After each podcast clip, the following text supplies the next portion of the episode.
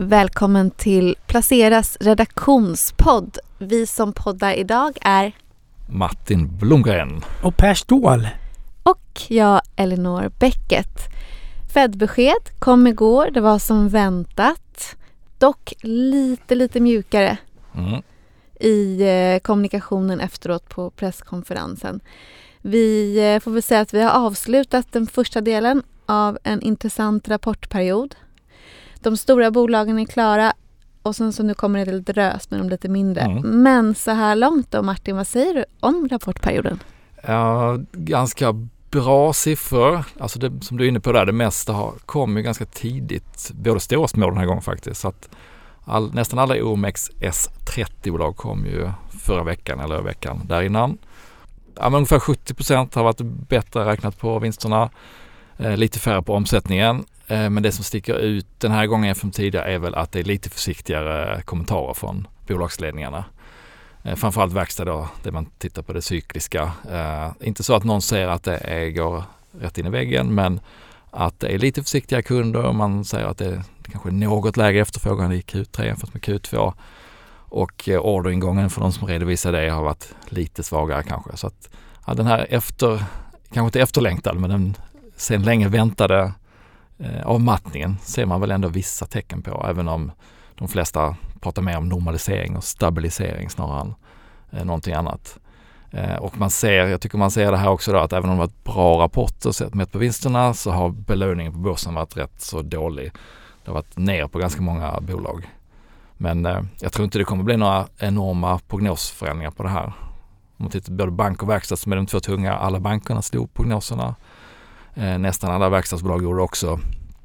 Så att det förändrar väl inte direkt värderingen på börsen men det är väl en liten, eh, vad ska man vara lite, lite uppmärksam på om det här som man har sett då i inköpschefsindex och, och att konsumenterna får det tuffare att det till slut ändå kanske börjar leta sig in även hos de bolag som inte har känt av det så mycket hittills. Men tror du inte vi får se några prognosuppjusteringar? Jag tänker bankerna överraskar ju.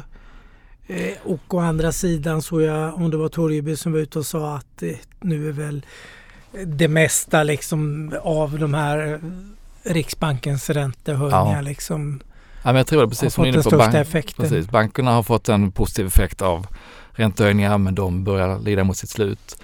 Verkstadsbolagen också då att efterfrågan inte längre stiger lika mycket och man har fått kanske fått betalt i marginalerna det här kvartalet och det förra av att leveranskedjorna ser bättre ut igen, råvarupriserna börjar gå ner lite. Så man har haft en ganska gynnsam sits eh, som kanske inte kommer vara lika gynnsam framöver och valutan har, ska man inte Ja, glömma. valutan har ju ändå lugnat ner sig. Exakt. Eh, Så där kommer inte heller någon liksom anledning att skruva upp prognoserna på grund av valutan. Mm. Så att, eh, ja, jag skulle gissa att det inte kommer vara några jätterörelser i vinstprognoserna totalt sett efter den här rapportperioden. Och förlåt en kollega som har funnit, Mm. befunnit sig i radioskugga. Hur har då, du sa att eh, det har varit rätt blygsamma reaktioner även på de bra rapporterna. Hur har börsen gått som helhet? Alltså vi har ju väldiga stora slag i, i början på rapportperioden när det kom lite mindre bolag. Sen har det varit, alltså lite, juli har varit lite, lite neråt på breda index och lite mer på OMXS30 då faktiskt för att de stora har tagit, tagit lite mer stryk. Så att lite, lite surare juli än vad det brukar vara. Det brukar normalt sett vara en ganska bra månad.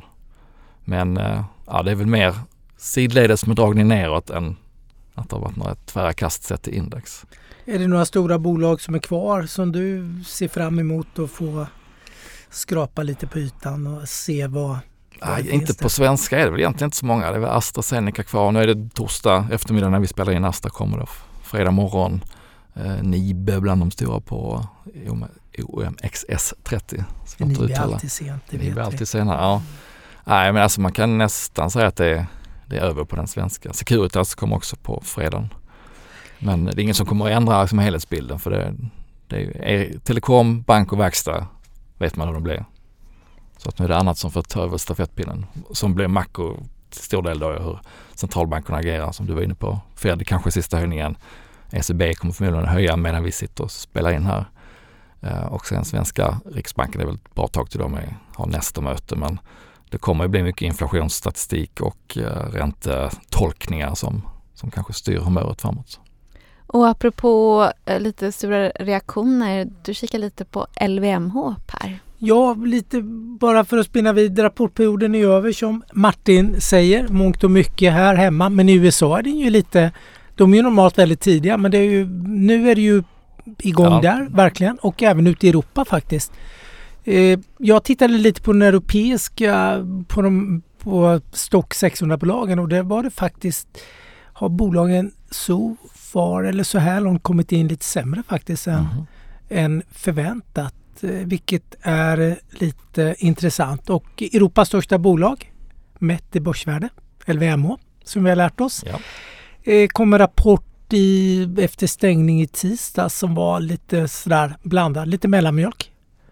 Men där ser man att den, den, amerikanska konsumenten då har börjat att vackla lite nu under, under det senaste kvartalet faktiskt. Vilket överraskade mig lite, kanske lite mer än vad jag trodde. Man ser skillnad lite på de här riktigt stora heta städerna som Los, Los Angeles, New York, Miami mot de här tier 2, de här kanske inte lika attraktiva städerna då där man även öppnat butiker senaste åren då att där märker man av en försämrad efterfrågan. De med lite lägre inkomster? Ja, och det var faktiskt de höginkomsttagarna. Lägre, jo, men, sett. Mindre höga. Mm. Ja, mindre höga, men höginkomsttagarna shoppar fortfarande på medan de med lite lägre inkomster då, där har man börjat strama åt. Och, och, och hur var vi, Kina då som skulle vara så mycket? Eh, Kina ligger ju på, det är, det är väldigt stark eh, faktiskt tillväxt är det där borta. Vad som inte har hänt i Kina som man hade räknat med lite det är ju den kinesiska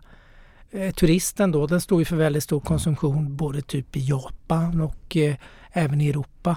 Man, man, konsumerar betydligt mer när man är ute och reser. Där har man ju inte kommit igång. Resandet är ju som bolagsledningen på LVM sa, det, för det, man ser ju knappt även i Paris några större horder av kinesiska turister utan det, det, är väldigt små, små kinesiska grupper i så fall som har letat sig hit. Men för att flika in där, för det, det ser man faktiskt även i många av industribolagen som pratar om att den här återhämtningen i Kina som de hade trott och hoppats på att det skulle kunna vara liksom en extra motor här i, i Q2 eftersom de öppnade sig efter covid. Många, jättemånga som säger att ah, vi har inte riktigt sett den boosten som vi hade hoppats på från Kina. Så det verkar gå igen även i lyxbolagen då, då? Ja det gör det definitivt och vi får väl se. Nu är ju många som har skjutit upp, liksom, man har skjutit fram att den kommer kanske andra halvåret istället då den här eh, effekten. Så vi får väl se. Jag är snarare lite orolig att den här konsumtionsmönstret vi har sett i USA nu att det letar sig in i Europa då att det kanske blir lite svagare konsumenter då bland de som har lite lägre inkomster ja. då än vad man kanske har räknat med tidigare då. Så vi får väl se. Jag var väl lite behållkänsla på den där rapporten känner jag att den kan det fortsätta och gå lite sidledes. Det vore inte konstigt om det blir en avmattning i den sektorn när man ser hur andra konsumentsektorer har bromsat liksom som kök och vitvaror och, och mycket annat. Allt utom resor egentligen har man väl sett en avmattning på konsument. Ja. Så det är ju en produkter som ändå går att skjuta på om det är lite tajt. Ja, det gör det. det går att lägga, den går att ha kvar på önskelistan. Mm. Den där väskan eller klockan eller vad det nu är man vill konsumera. Och hur mycket, vad ska man säga, hur mycket växlar kan man då dra på att de andra lyxbolagen kommer att ha liknande rapporter då, tror du? Ja, Moncler kom in nu, den, den var ju faktiskt bra. Den var över förväntan. Jag, jag vet inte, det, det, är svårt tycker jag. Men LV är ju liksom den stora den kanske den bästa temperaturmätaren då. Men det är klart det finns nischer som exklusiva dunjackor då som verkar ha sålt väldigt bra och väl, har sålt väldigt bra i Kina, det lilla jag såg. Märket är väldigt hett där mm. bland eh, kineser. Exempelvis. Men det är lite valuta mot vind har ju faktiskt LV lyfter ju fram det. De har valuta mot vind. Det får man inte glömma bort. Euron är stark, det vet vi. Den är stark mot dollarn, den är stark mot eh, eh, mot yenen, mot, även mot den kinesiska valutan. Då. Så man har haft en, en, eh, en, påtag, en tydlig i alla fall valuta eh, mot vind som jag vet inte om man kan applicera kanske. Du har ju, jag har ju poddat med någon valutaexpert här senast och även du Så har även gjort det. Ja. ja, och lite om man skulle kunna se en lite starkare krona det händer ju när man mm. minst anar det men kronan har ju ändå stabiliserat sig lite nu senaste kanske fem, Hyfsat sex, mycket på kort tid. Ja, hyfsat mycket på kort tid. Eh, så det blir lite intressant att se hur börsen hanterar eh, den typen av eh, problem, omvänd valutaproblematik som man skulle kunna få då, att det blir en valuta mot vind då mm. på sikt. Och alla som har sparat i amerikanska aktier eller fonder har ju haft en boost av det som kan bli en motvind nu då? Ja, under många år. Mm. Visst är det så. Europafonder, globalfonder, USA-fonder. Du har ju, du har ju haft en väldigt stor eh, valutabit där avkastningsmässigt. Så det, det kanske man kan hålla ögonen öppna på. Ett annat sätt att ta tempen på börsen det är ju att titta vad de här insynspersonerna gör. Vad kan du dra för slutsatser där efter att då väldigt många av våra bolag har rapporterat? Precis, då är det ju fritt fram igen att handla för eh, de som är insynsregistrerade när rapporten är ute. Eh, så jag kollade lite här i veckan och det har inte gått så lång tid så det kommer säkert att flöda på mer här. Men jag tittade på ordföranden och VD, försökte samla de som kanske är mest intressanta då, om det ska vara någon slags indikation på, på hur mycket de tror på bolaget. Eh, så att en del intressanta namn. Eh, Mats Kviberg, Bilias ordförande, köpte för 3,6 miljoner. Eh, Lifcos VD slog till med nästan 5 miljoner.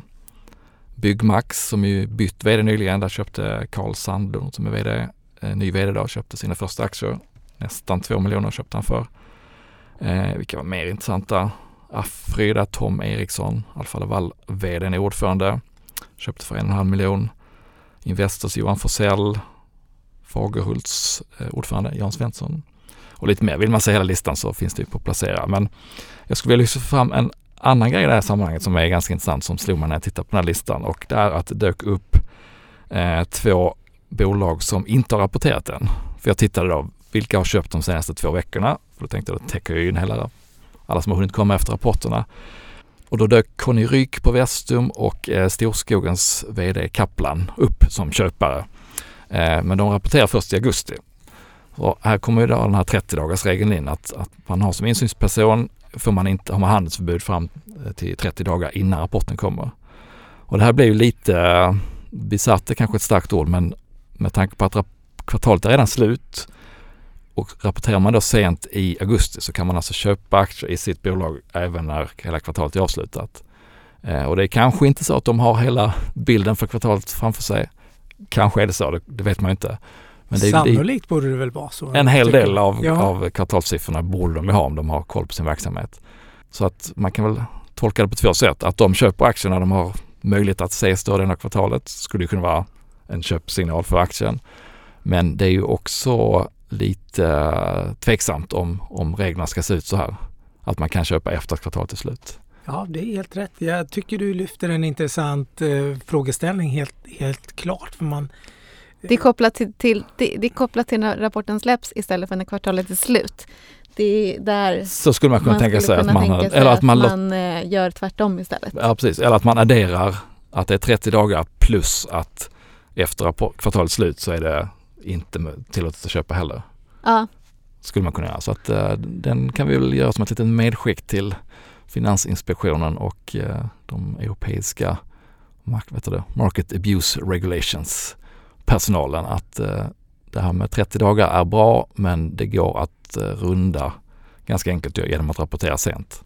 Vad gör du själv? Vad tänker du nu kring Vestum och Storskogen? Hålla lite ögonen på och se ifall det finns någon informationsvärde då ifall det är så att det blir rykande bra, överraskande starka rapporter i de här ja, men det är intressant. Då borde, borde man faktiskt gå tillbaka och kolla i de fallen där det här har hänt och se om det har något informationsvärde.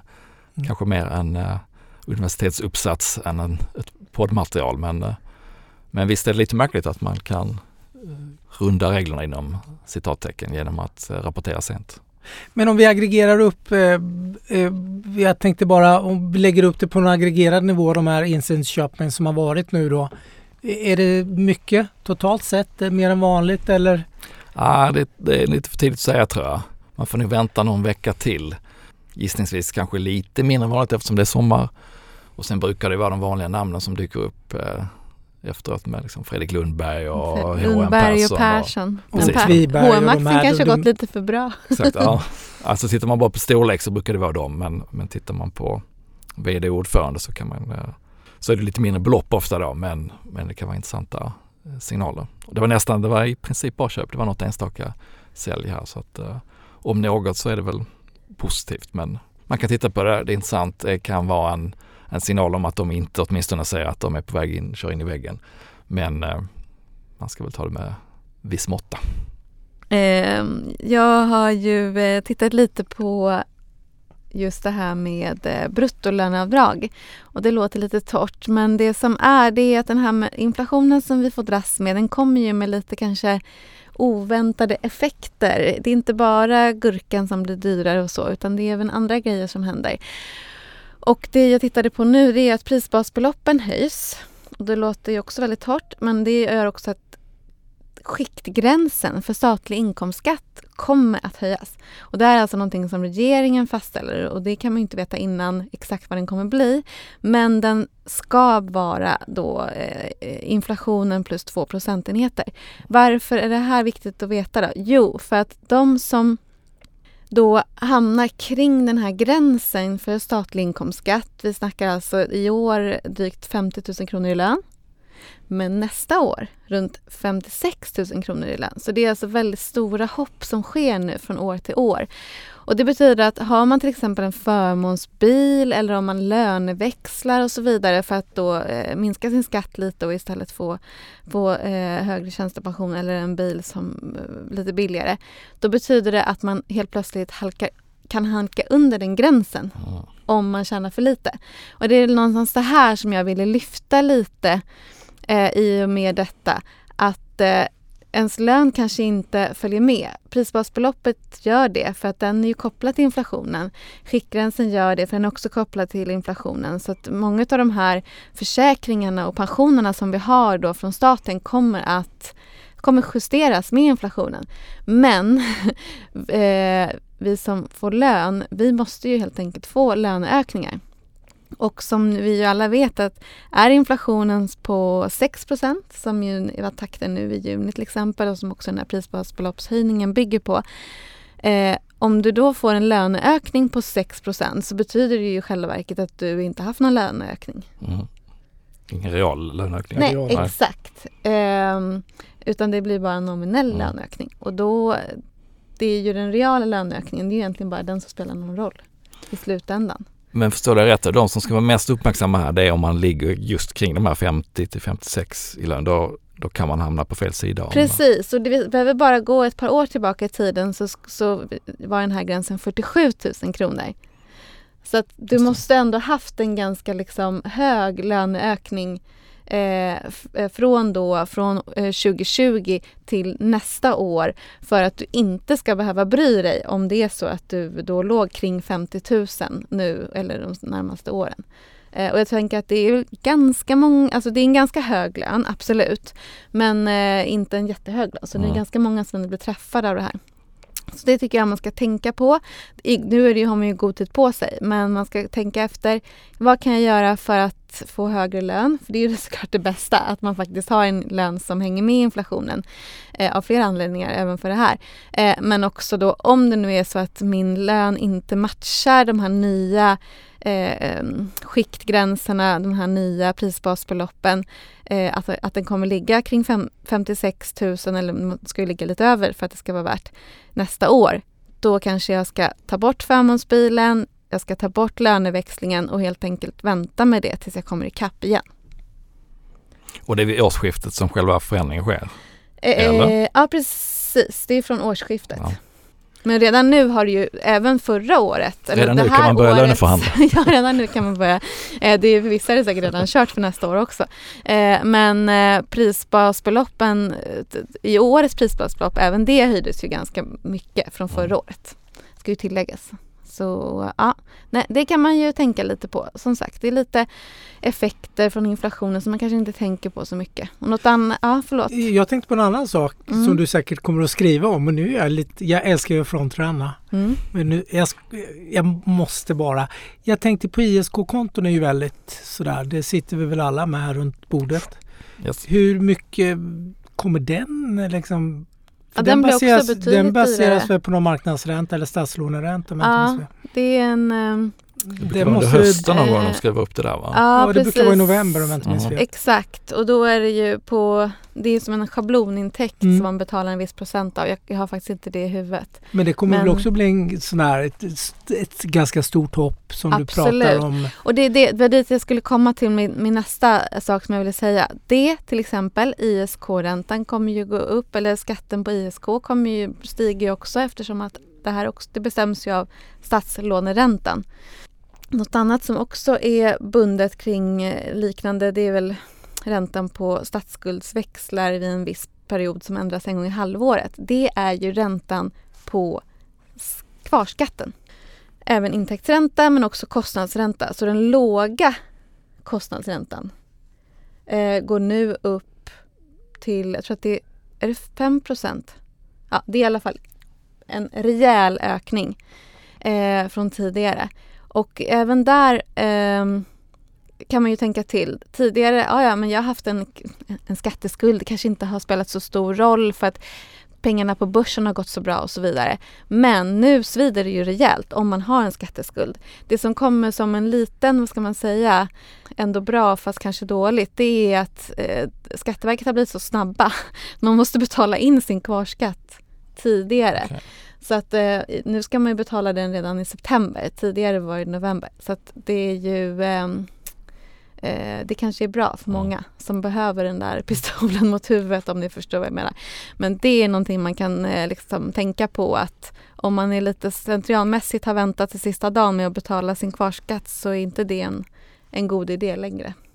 Jag jobbar med mig att få tillbaka skatt. Så att, eh, Mm. Ja. och där är de också tidigare nu. Ja, helt precis. Ja, men det, är liksom, det är ju både det är utifrån när man får sitt slutskattebesked. Det är det som bestämmer eh, hur snabbt man ska betala och det har de blivit mycket snabbare med Mm.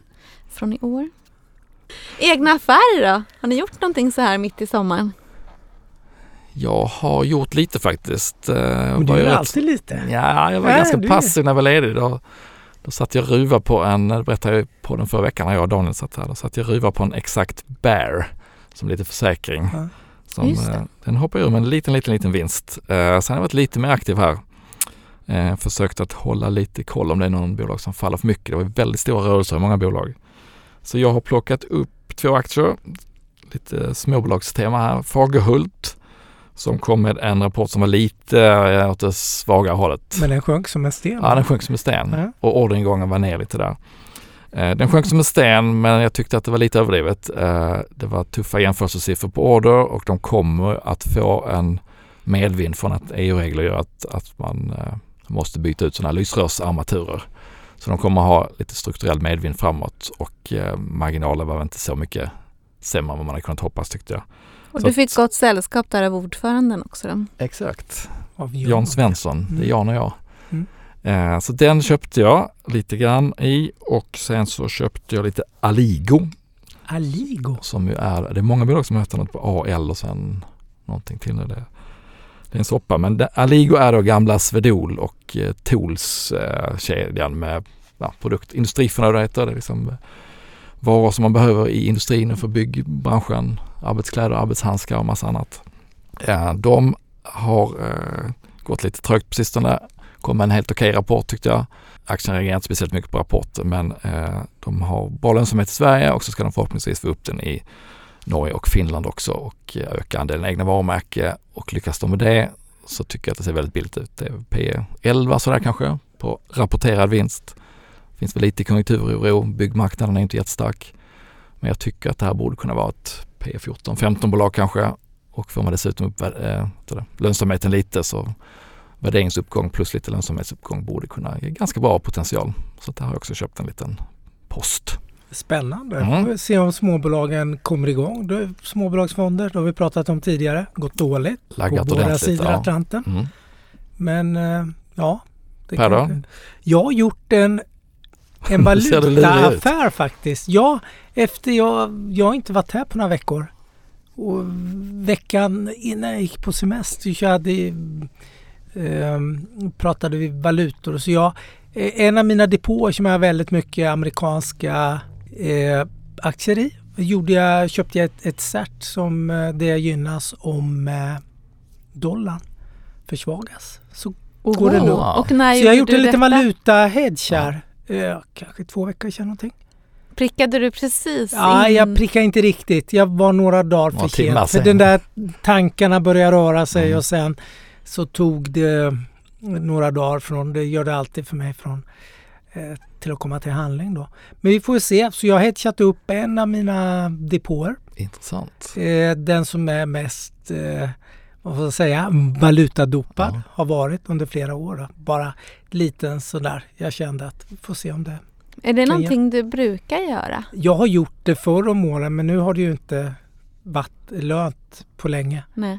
Så, Gör, för, jag- för, nej, för, för, jag- gör du det liksom istället för att sälja aktier? ja, nu är jag, den här gången gjorde jag det Ja. bara för att jag, jag ville inte sälja mina Intressant. Microsoft även att jag borde kanske ha gjort det innan rapporten. Nej, för jag, jag frågade för att jag har suttit också på Microsoft Mm. och suttit på Mm. fingret på säljknappen Mm. och inte bara på valutadelen Mm. men de har gått väldigt bra och liksom hela AI-hypen har ju lyft Mm. dem också Mm. och kommer med en helt okej rapport men Mm. fick inte riktigt betalt för det. Eh, och där har jag också tänkt att med både valutan och att det har gått så bra ska man kanske ta hem lite vinst här. Ja, vi får väl se om det här lilla experimentet, hur det slår ut. Ja men, Men intressant, som, det. en, Det som en försäkring lite grann. Mm. Det är det enda jag har gjort. Elinor? Nej, det gick fort som sagt. Ja. Det är den där radioskuggan. Jag har inte gjort någonting annat än att knappt öppna telefonen, på att säga. Det låter klokt. Mm. Om man redan sitter med en perfekt portfölj. Eh, ja. ja, nej. Nej, absolut inte. Nej, tyvärr. Jag har inte gjort eh, någonting. Vi får se här framöver. Mm. Ja, händer. rapportperioden är inte över. Och inte USA.